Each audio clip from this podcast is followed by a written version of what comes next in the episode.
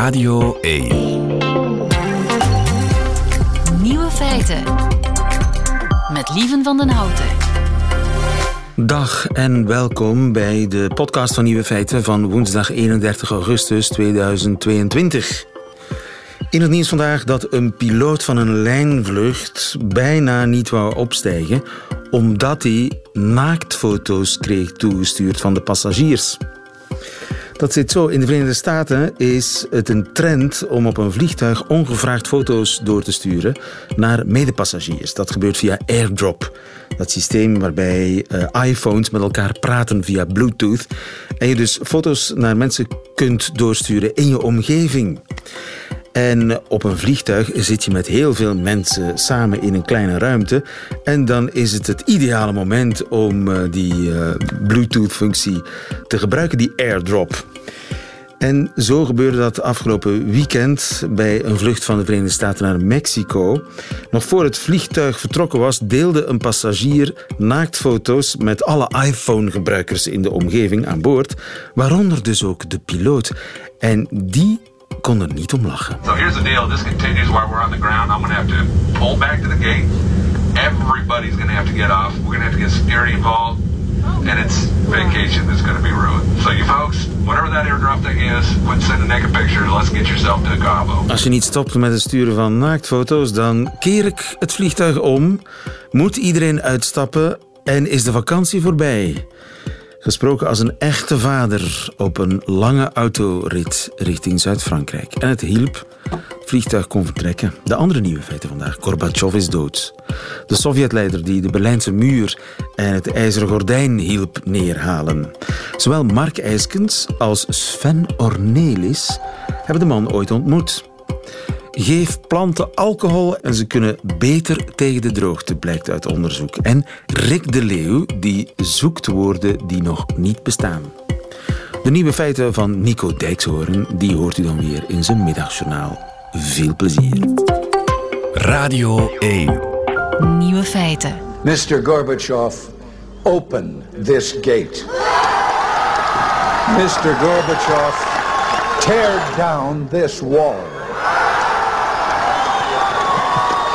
Ronald Reagan, de toenmalige president van Amerika in Berlijn in 1987. En twee jaar later viel de muur inderdaad onder impuls van Mikhail Gorbachev, de toenmalige leider van de Sovjet-Unie, die gisteren op 91-jarige leeftijd is overleden. Mark IJskens, goedemiddag. Goedemiddag.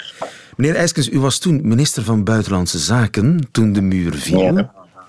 Men zegt Ja. wel eens dat die muur nooit zou zijn gevallen zonder Gorbachev. Bent u daarmee eens?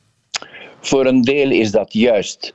Er zijn natuurlijk nog een paar andere mensen die erg hebben geijverd voor de val van die muur. Dan denk ik aan iemand die minder vermeld wordt, namelijk Paus Johannes Paulus II, die in Polen natuurlijk het verzet tegen dat communistische regime aanzienlijk heeft aangewakkerd.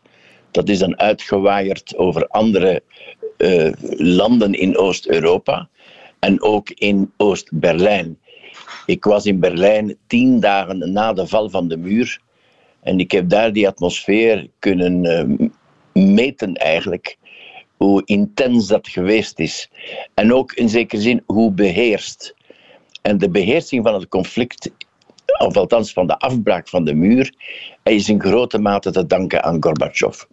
Want toen de muur is afgebroken, eigenlijk door de bevolking, en toen die Oost-Berlijners massaal gingen wandelen in West-Berlijn, toen dachten wij, toen vreesden wij allemaal dat Gorbachev zich zou gedragen hebben zoals Khrushchev in Budapest in 1956 Of zoals En, Poetin vandaag, hè? eigenlijk. en zoals eh Brezhnev in Praag in 1968 en gewoon zijn tanks gestuurd om de democratische revolte gewoon plat te walsen. En dat is niet gebeurd. Dat heeft hij niet gedaan. Hij preekte overleg. Hij preekte ook eh, ja, eh, solidariteit, samenwerking. En eh, dat was natuurlijk een totaal ander geluid en een wel wat onverwacht geluid voor ons. En dus ja, die man, dat was een nieuwe verschijning in zekere zin. Heeft u hem ooit ontmoet eigenlijk als minister van Buitenlandse En Zaken? Ja, Brezhnev die had een, een, een Frankenstein-facies. En Gorbachev was een vriendelijke man. Die glimlachte. Dat was heel minzaam. Ik heb hem uh, verschillende malen ontmoet, met hem ook gesproken. En als hij geen president meer was, en ik geen minister van Buitenlandse Zaken in uh, eind 92, heeft hij mij uitgenodigd in zijn instituut voor internationale politiek in Moskou. En ik ben een paar dagen bij hem geweest met een aantal andere uh, academici en specialisten van buitenlands beleid. En dan heb ik hem van dichtbij leren kennen. Het is een bijzonder aantrekkelijke figuur, moet ik zeggen. Ja. Intelligent man. Er wordt wel eens gezegd dat hij niet geweten heeft wat hij heeft op gang gebracht. Dat hij, hij was de man van de perestroika en de glasnost, de hervormingen en de, en de transparantie. Maar eh, dat heeft uiteindelijk tot het uiteenvallen van de Sovjet-Unie geleid, wat hij eigenlijk niet wou, toch? Nee, maar nu de perestroika en de glasnost dat zijn eigenlijk ideeën die komen van Andropov, zijn voorganger. Die was niet alleen de leider van de KGB, maar die is dan ook korte tijd president geworden en secretaris-generaal van de partij. En die is heel uh, vroeg gestorven omwille van een nierkanker. Maar het is Andropov die eigenlijk de analyse heeft gemaakt. En zijn analyse was: kijk, de Sovjet-Unie is als een stuwdam waarin steeds meer barsten voorkomen. En er komt een moment dat die stuwdam gaat openbreken en de hele vallei zal overstromen. Het wordt een totale ramp. Dus er moet worden opgetreden. Ja. En het optreden betekent het liberaliseren van de economie en ja, voldoende politieke en intellectuele vrijheid schenken aan de bevolking. En dat heeft Gorbachev gedaan. Ja, dat heeft wel gewerkt, maar het heeft wel tot het einde van die Sovjet-Unie geleid. Had hij daar spijt van? Ik denk niet echt spijt, want hij ijverde, trouwens samen met ons in het Westen, voor het uitbouwen van een soort ja, pan-Europees samenwerkingsverband. Ik heb de conferentie meegemaakt in Parijs in 1991, waar Gorbachev op aanwezig was, voorgezeten door Mitterrand. En waar dus uh, werk is gemaakt van de oprichting van de Organisatie voor Veiligheid en Samenwerking in Europa. En waarvan natuurlijk Rusland een van de belangrijkste partners was. We hebben toen een secretariaat opgericht, gevestigd in Wenen. Ja. Bestaat nog steeds op papier, maar is vandaag een dode mus. Ja. Omwille van, omwille van de rabiate houding onder meer van Poetin. Juist. Dus er was bereidheid om samen te werken. Ik heb vergaderingen meegemaakt van de NAVO waar verdorie een ambassadeur van de Sovjet-Unie aanwezig was. Die kwam bij ons om te luisteren, om ook zijn mening te geven over bepaalde problemen. Vergeet niet dat tussen Gorbachev en Reagan een historisch ontwapeningsakkoord is ondertekend. Dus het waren allemaal belangrijke stappen in een soort vredestructuur die heel Europa zou omvatten. Van de haven van Brest in Frankrijk tot Vladivostok in, eh, in Siberië. Daar staan we nu verder af vanaf dan ooit, hè? Wel, uh, Poetin is de anti-Gorbachev. Yeltsin was een, een dronkenlap en was uh, totaal uh, onverantwoordelijk en onverantwoord. Maar Poetin is natuurlijk een man die wel rationeel redeneert en dat is de anti-Gorbachev. De anti-Gorbachev. Uh, Poetin is de anti-Gorbachev en, en Gorbachev is de anti-Poetin. Nochtans, ja, hoe populair hij ook in het Westen was, in eigen land, want hij heeft ooit nog meegedaan, ik geloof in de jaren negentig aan de presidentsverkiezingen, hij had niet eens 1% van de stemmen. Ja, dat was een opiniepeiling. Ik moet je zeggen, uh, bij mijn, een van mijn laatste bezoeken aan Moskou, toen ik naar dat instituut van Gorbachev moest gaan, nam ik een taxi ik had het adres laten optekenen en ik toonde dat aan de uh, chauffeur. En die zei me, ah, u gaat naar Gorbachev. En die sprak wat gebroken Engels.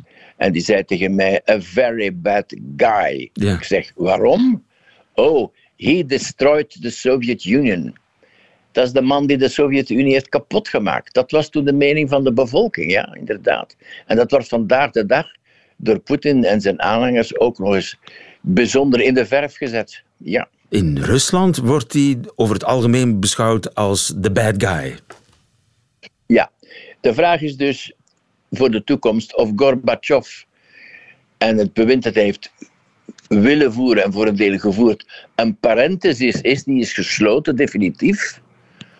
Of Gorbachev het goede zaad heeft gezaaid en dat uh, het regime van Poetin zal struikelen over zijn eigen excessen en dat terug in de ex-Sovjet-Unie, het huidige Rusland, toch een wind kan waaien van verdraagzaamheid, samenwerking, voldoende vrijheid, respect voor de mensenrechten en dat soort dingen. Ja.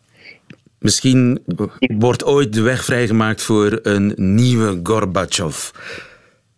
Dat... Wij laten dat hopen. Laten we... En wij moeten de positieve krachten in Rusland blijven steunen. Hè? En niet alles wat in Rusland gebeurt afwijzen. Mark IJskens bij de dood van uh, Mikhail Gorbachev. Dankjewel, goedemiddag. Ja, dank je hoor. Dag.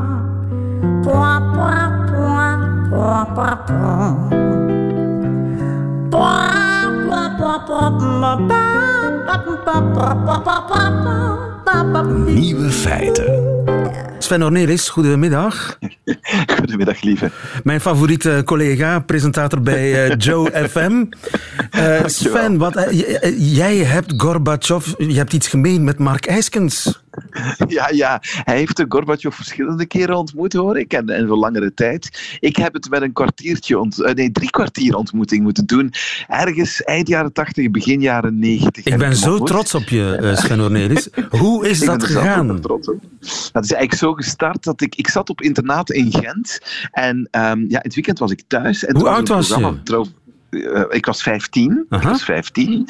En ik had een programma gezien op, uh, op Panorama, op de toenmalige BRT. En dat ging over die perestroika in Glasnost. En ik moet eerlijk zeggen, ik, ik heb daar weinig trekjes van overgehouden, maar ik was een zeer idealistisch kind in die tijd.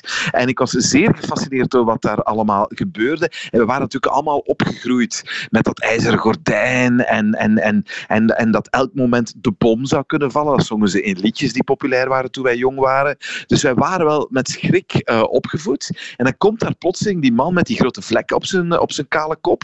Die zegt, we gaan dat hier anders gaan aanpakken. We gaan openheid ook naar het Westen creëren. En ik vond dat zo fascinerend dat ik hem overigens in het Nederlands een brief heb gestuurd om hem aan te moedigen en te zeggen dat de hele uh, jeugd van de hele wereld achter hem stond. Een soort Greta Thunberg. Sven Ornelis, een soort Greta Thunberg. Ja, maar ja, het, ik moet bekennen, lieve, het was zoiets, ja. Het was zoiets. En het gekke was dat ik heb wel, ik heb toen via Paul Muis, die, toen, die presenteerde toen Panorama, ik heb die, die geschreven. Dat is een les geweest voor, voor de eeuwigheid van als een van je luisteraars of kijkers iets vraagt, moet je daarop antwoorden. Die zei, stuur naar de ambassade. Als ze het interessant vinden, zullen ze het vertalen en doorsturen. Hulde en aan Paul Muis. En je hebt dat gedaan. Ja, dankjewel.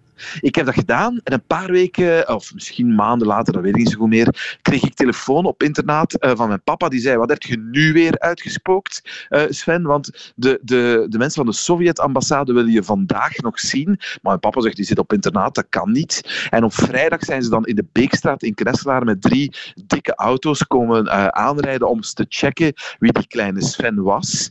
En, en ze vonden het een interessante brief. Ze vonden dat we er ook niet echt heel erg verdacht uitzagen familie Orneris. En ik ben toen op zaterdag met de volledige klas uitgenodigd om de, op de ambassade om het officiële antwoord van Gorbachev te ontvangen. Zo was ons eerste contact. Jeetje. En later, toen hij op staatsbezoek was in, in Nederland, uh, ben ik via de Droomfabriek, weet je nog, via de Droomfabriek. De Droomfabriek. De Droomfabriek naar, het, uh, naar de officiële ambtswoning van toen Lubbers, de premier in Nederland, mogen gaan.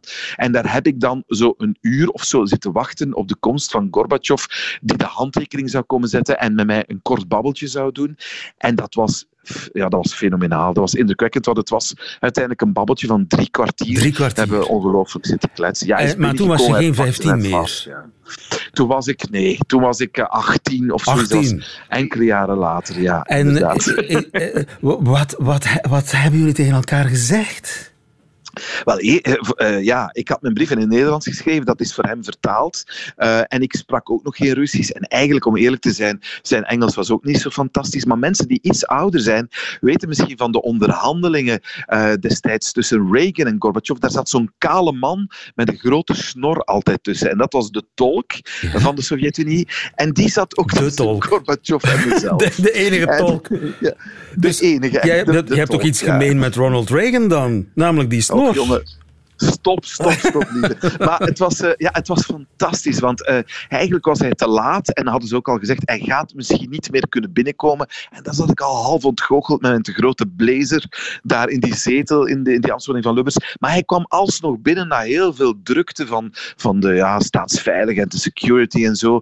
En hij omhelsde mij, gaf mij zo'n echte Russische kus. En toen hebben we drie kwartier gepraat over, ja, wat ben je aan het doen, over die brief. Eh, ik was, ja, wat, wat ga je studeren? Wat vind je belangrijk in het leven? Het was een super aimabele man die echt, echt babbelde en luisterde. Ja. En ik ging godsdienstwetenschappen studeren, Ja. eh, want dat heb ik gedaan uiteindelijk ook. En hij, ja, weet je, in de Sovjet-Unie was godsdienst, dat was, ja, dat was niet zo super pop. Het mocht eigenlijk ook bijna niet. En hij, ja, je hoorde en je zag die openheid. Hij zei, ik heb de pauze intussen ontmoet. En ja, hij was heel gefascineerd door dat alles. Maar dus heel het- boeiend. Het, het zegt ook iets over hem. Hij was op dat moment eh, de grote, de sterke man van de supermacht eh, van de wereld. En hij trekt drie kwartier uit om ja, met Sven uit Knesselaren te praten. Ja, ja, in mijn, ja, in mijn herinneringen is dat, is dat dus allemaal fantastisch en, en super charmant. Maar ik ga niet zeggen dat ik cynischer ben geworden. Want, maar ik wil wel, ik, ik besef ook wel wat daar gebeurt natuurlijk. Hè. Dit was ook wel voor een stukje PR en georganiseerd. Er waren en camera's dat bij en alles. Er was waren heel veel camera's bij, ja. Ja. Toen ik die brief eigenlijk ontvangen had, toen was het nog veel jaren eerder, was het net aan het gebeuren, die, eh, ja, die, dat charme-offensief. En toen waren daar twee cameraploegen van de VRT, BBC, eh Sovjet-televisie, RTBF. Ja. Het, het stond op de voorpagina's van alle kranten. Dus het was ook wel... Het diende ook zijn charme-offensief, maar het was eigenlijk gemeend. Dat heb jij met je 18-jarige Knesselaarse hartje, heb jij dat gevoeld. Absoluut. Dankjewel Sven Ornelis. Heel fijn dit Dat gesprek en veel succes verder. Dag. Het ontbreekwoord. Rick de Leeuw gaat op zoek naar woorden die in onze taal helaas nog niet bestaan. Rick de Leeuw, onze woensdagse held. Goedemiddag Rick. Goedemiddag, lieve. Rick, al voor de zomer ben jij met de hulp van eh, de Radio 1-luisteraar op zoek naar ontbreekwoorden. Eh, Wat zijn ontbreekwoorden nu ook alweer? Dat zijn woorden die eigenlijk zouden moeten bestaan. Ja, maar die nog niet bestaan. En taal is een, is een wonderlijke minnares op dat gebied. Want lange tijd ging ik vanuit dat voor alles wel een woord bestond. Computer, auto, badkamer, tafel, honger, liefde. Met taal kon je alles benoemen. Konden wij de wereld om ons heen beschrijven en op die manier elkaar begrepen. begrijpen. Lang leven de taal. Totdat je erachter komt dat dat niet het geval is. En als er één woord ontbreekt, ga je op zoek naar meer woorden die ontbreken. En er blijken er veel te zijn, inderdaad. Ja, want die lijst die, die wordt alsmaar langer, die ontbreekwoordenlijst. Ik herinner mij overouderen is zo'n nieuw woord. Voor ouder worden dan je ouders ooit werden. Jij bent een overouderaar bijvoorbeeld. Ik ben een over, over, overouderaar, inderdaad. Kruip- prachtig woord. Prachtig woord. Kruiptijd is inmiddels ook al ingeburgerd geraakt stilaan. Eh, en ik denk dat Peter Schilling daar ook wel weer zijn, eh, zijn eh, bijdrage ja, heeft ja, ja, ja, geleverd. ja, juist. De kruiptijd, die tijd. Daar kwam geen end aan, hè? Nee. muziek in de jaren tachtig. Ik weet het, maar die, die, dat, dat slotzangetje, dat, dat, ja, dat lijntje, dat ha, ha, ha, dat, dat is het hele nummer. Hè. Dat moet je. Je Ja. moet erop wachten. Ja, ja, ja. Ben je des te blijer dat het er aankomt als je... Want die kruiptijd is dan voorbij. Eh, eergenoot is ook een hele mooie, toch? Eergenoot. Ja, het, het vriendelijkere woord voor het vijandige ex. Dus een relatie is gedaan, je bent eh, eh, gescheiden, pijnlijke, pijnlijke eh, situaties dan geweest. Het komt goed en dan moet je die mens toch een ex blijven noemen. Ja, en dat is Dus zo een- negatief, hè? De Precies, eergenoot Ja. is iets positiever. Absoluut. En iemand die geen aroma's meer ruikt, die niks meer kan ruiken, is een anaroom. Dat is een schitterende. Terwijl inderdaad, uh, uh, iemand die, die uh, niet kan horen is doof. Iemand die niet kan zien is blind. Iemand die niet kan ruiken, die had geen eigen naam daarvoor, geen woord daarvoor. Die, die was een, iemand die niet kon ruiken. Ja. En nu is dat opgelost. Dankzij de luisteraar van Nieuwe Feiten. Dank daarvoor, dank daarvoor, dank daarvoor. Rick, je hebt een nieuwe opdracht voor diezelfde luisteraar. Ja, we mogen uh, nog een, uh, een, een, een, seizoen uh, verder hiermee. Want er zijn nog heel veel van dit soort dingen. En ehm, luister. Er gaat vaak een periode van een paar weken of zelfs maanden overheen voordat je ontvangen verjaardagskaarten weggooit. Je kent het fenomeen, neem ik aan. Het voelt gek om ze direct na het lezen in de prullenbak te gooien. Dus vaak bewaar je ze. Soms wel een paar jaar, hoewel je ze nooit terugleest en weet dat ze uiteindelijk onherroepelijk als oud papier in de prullenbak zullen belanden.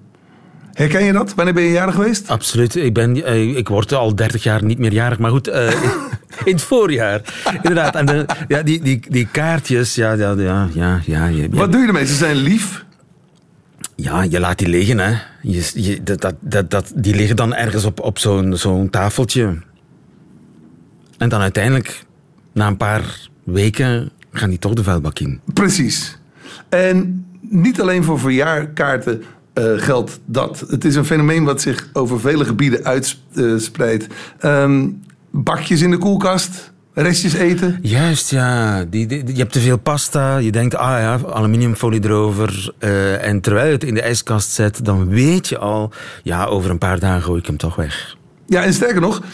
Zelfs al weet je dat je het weggooit, je, wil, je wacht eerst tot het bedorven is voor je het weggooit. Dan mag het. Dan, dat is toch ook.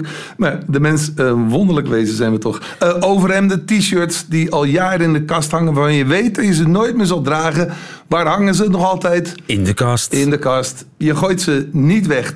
Tot je ooit een keertje denkt, nu gaat alles eruit. En dan kan je een, een voorjaarsschoonmaak uh, over je heen laten komen. Door het huis laten uh, wervelen. En dan ben je voor eventjes vanaf. Want een week later koop je waarschijnlijk weer iets nieuws. Wat je van je denkt enzovoort. Ja. Dus uh, iets pijnlijker.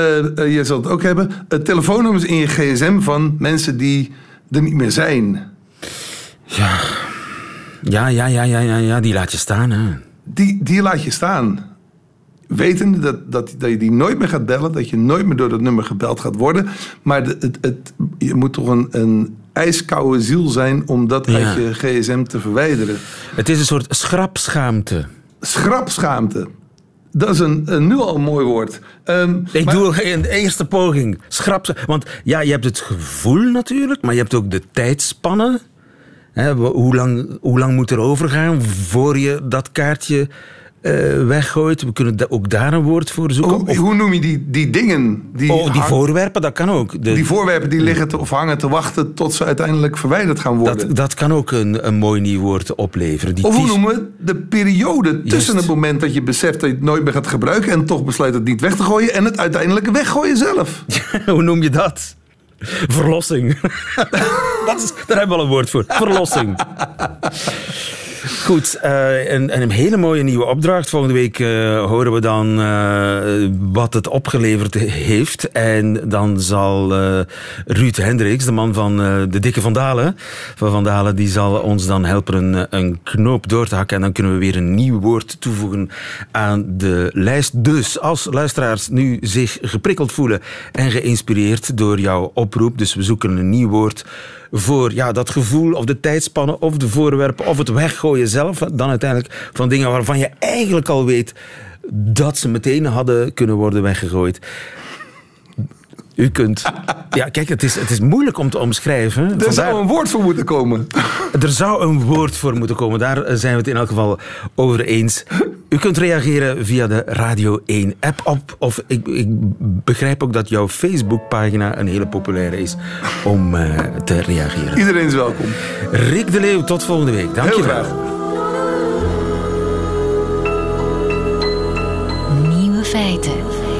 Zijn uw planten ook uitgedroogd deze zomer? Wel, dan heb ik een tip voor u. Voer ze dronken. Tenminste, als ik eh, dat nieuwe onderzoek lees, zou dat een bruikbare tip moeten zijn. Goedemiddag, Yves de Smet. Goedemiddag. Niet de Yves de Smet, maar Yves de Smet. Met de Yves de Smet bedoelt natuurlijk de voormalige hoofdredacteur van De Morgen. Maar jij bent professor plantenbiologie aan de Universiteit van Gent. Ja, inderdaad. Uh, groepsleider aan het VIB.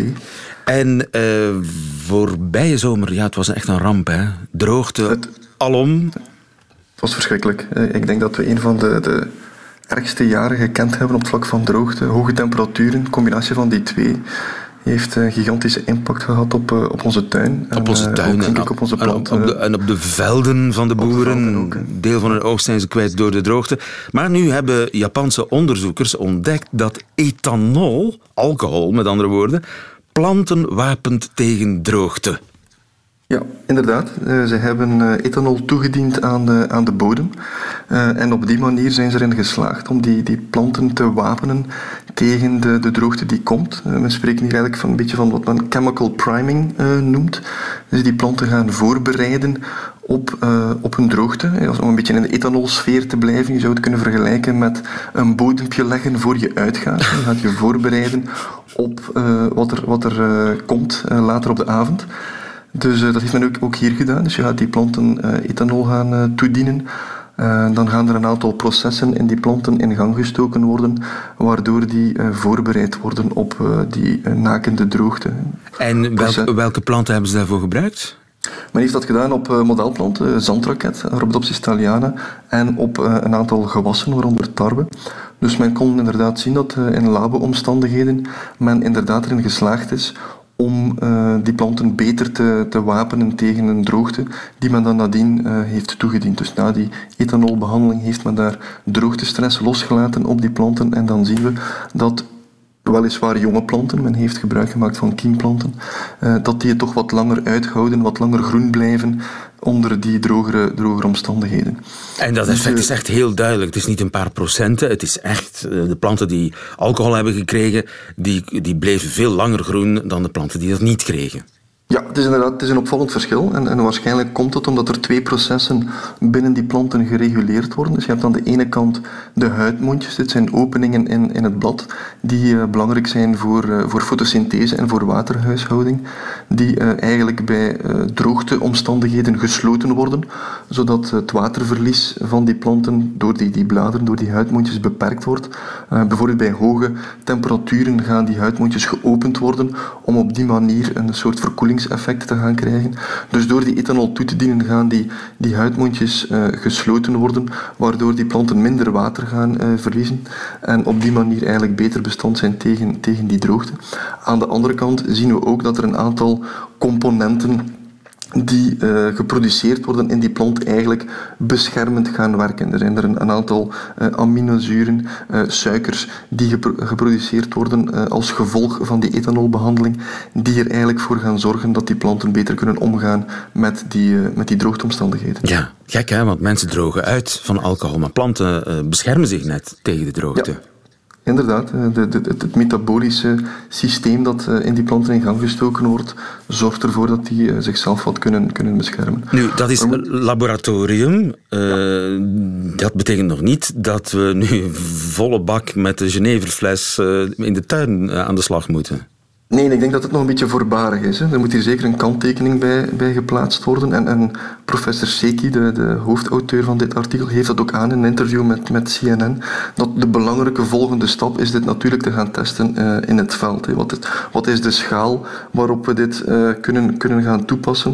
En wat is natuurlijk ook de impact op uh, om de omgeving? Hè. Want uiteindelijk, ethanol wordt ook gebruikt om zaken te gaan ontsmetten. En natuurlijk in die bodem, rond dat wortelsysteem van die planten, de rhizosfeer, zijn tal van bodembacteriën, kleine micro-organismen aanwezig die ook hun waarde hebben uh, naar die planten, naar de groei van die planten toe. Als je daar natuurlijk die ethanol gaat uh, toevoegen, dan ga je natuurlijk voor een stuk die bodem ontsmetten. En kan je ook die voordelige bodembacteriën, die voordelige micro-organismen uh, gaan, gaan vernietigen. Ja. Uh, ik vraag me ook af, als je dan die alcohol toedient, ga je dan uh, op, op de blaadjes spuiten? Of ga je, ga je die rechtstreeks in de, in de grond gooien, zodat die via de wortel de plant bereikt? Men, men, heeft het in dit verhaal over effectief de, de bodem. Ja. Dus men voegt het toe aan, aan de bodem, aan het groeimedium. Um, Je kan dat eventueel ook uh, op bladeren gaan, gaan, do gaan, doen, maar dan zal je waarschijnlijk andere, andere effecten krijgen. Dus al die zaken, ook naar de manieren waarop het inderdaad kan aangebracht worden, dienen nog verder, uh, verder onderzocht te worden. Ja, maar de kans bestaat dus dat we iets gevonden hebben. Ja, inderdaad. En ik denk dat dit, een uh, manier is die naast alle andere manieren, uh, alternatieve benaderingen die we kennen, uh, zeker, zeker nuttig kan zijn. Hè. We zijn bijvoorbeeld ook bij ons in mijn eigen onderzoek hebben we een tijdje terug een klein peptide gevonden, een klein stukje eiwit dat ook een rol kan gaan spelen in het beschermen van die planten tegen, tegen abiotische stress, dus tegen die droogte en hoge temperatuurstress. We hebben ook de eerste stappen gezet in het identificeren van eiwitgebaseerde biomarkers die veredelen zouden uh, vlotter kunnen uh, laten verlopen. En we hopen het binnenkort ook verder uh, uit te werken. En daarnaast zijn er natuurlijk ook ja, de moderne gentechnologieën die zeer belangrijk zijn, hè, waarbij we eigenlijk zeer gericht en veilig het genoom gaan aanpassen. en zo de planten beter te beschermen die, tegen ja, de droogte. beter te gaan beschermen. Dus ik denk dat we daar een aantal zaken naast elkaar kunnen plaatsen ja. en dat dit één mogelijke bijdrage is om tot die uh, bescherming te komen. Ja, de boer zal niet meteen met whisky beginnen sproeien. Ik denk het niet. Ik denk dat die whisky beter op een andere manier genuttigd wordt. Maar, Yves maar ethanol als goedkoop product kan zinvol zijn. Dankjewel. Goedemiddag. Graag gedaan. Goedemiddag. En voilà, daarmee heeft u alle nieuwe feiten gehad van deze 31 augustus alweer 2022. Alle nieuwe feiten, behalve die natuurlijk in het leven van Nico Dijkshoorn. Nieuwe feiten. Middagjournaal. Beste luisteraars.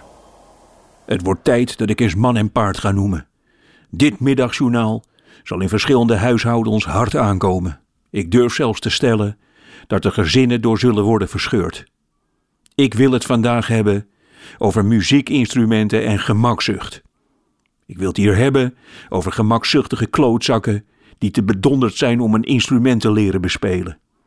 Ja, dan heb ik het onder andere over mensen die op een djembe spelen. Voor wie het niet weet, de djembe is een instrument voor mensen die eerst met hun blote handen een melodie op hun voorhoofd sloegen, als ze bijvoorbeeld in een file stonden. En toen heeft er ooit iemand tegen ze gezegd: Jeetje, wat ben jij muzikaal, daar moet je iets mee gaan doen. De djembe is een lange stenen huls van samengeklitte geitenstront, en daar is dan de blaas van een dood schaap overheen gespannen. En daar sla je met je blote handen op.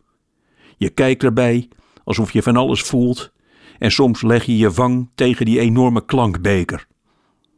En dat is het, luisteraars. Je hoeft er helemaal niets voor te kunnen.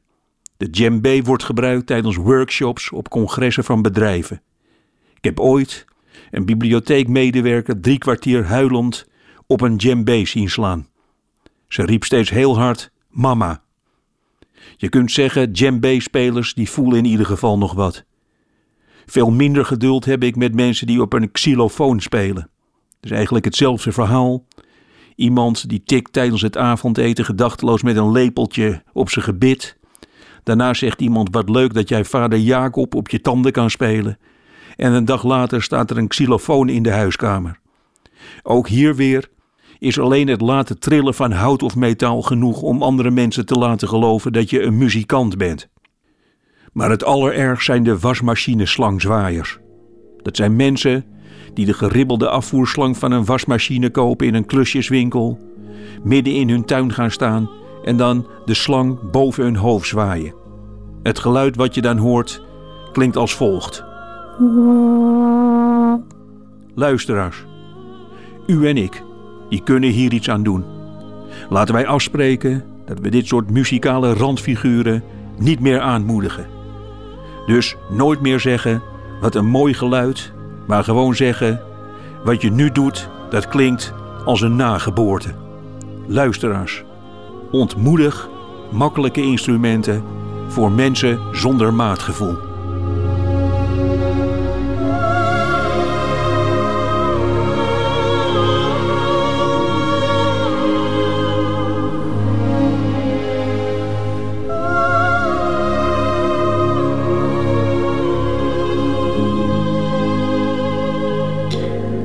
Ik doe mee, Nico. Nico Dijkshoorn in het middagjournaal. Einde van deze podcast. Hoort u liever de volledige nieuwe feiten? Dat kan. U kunt herbeluisteren, het programma herbeluisteren via radio1.be. Tot een volgende keer.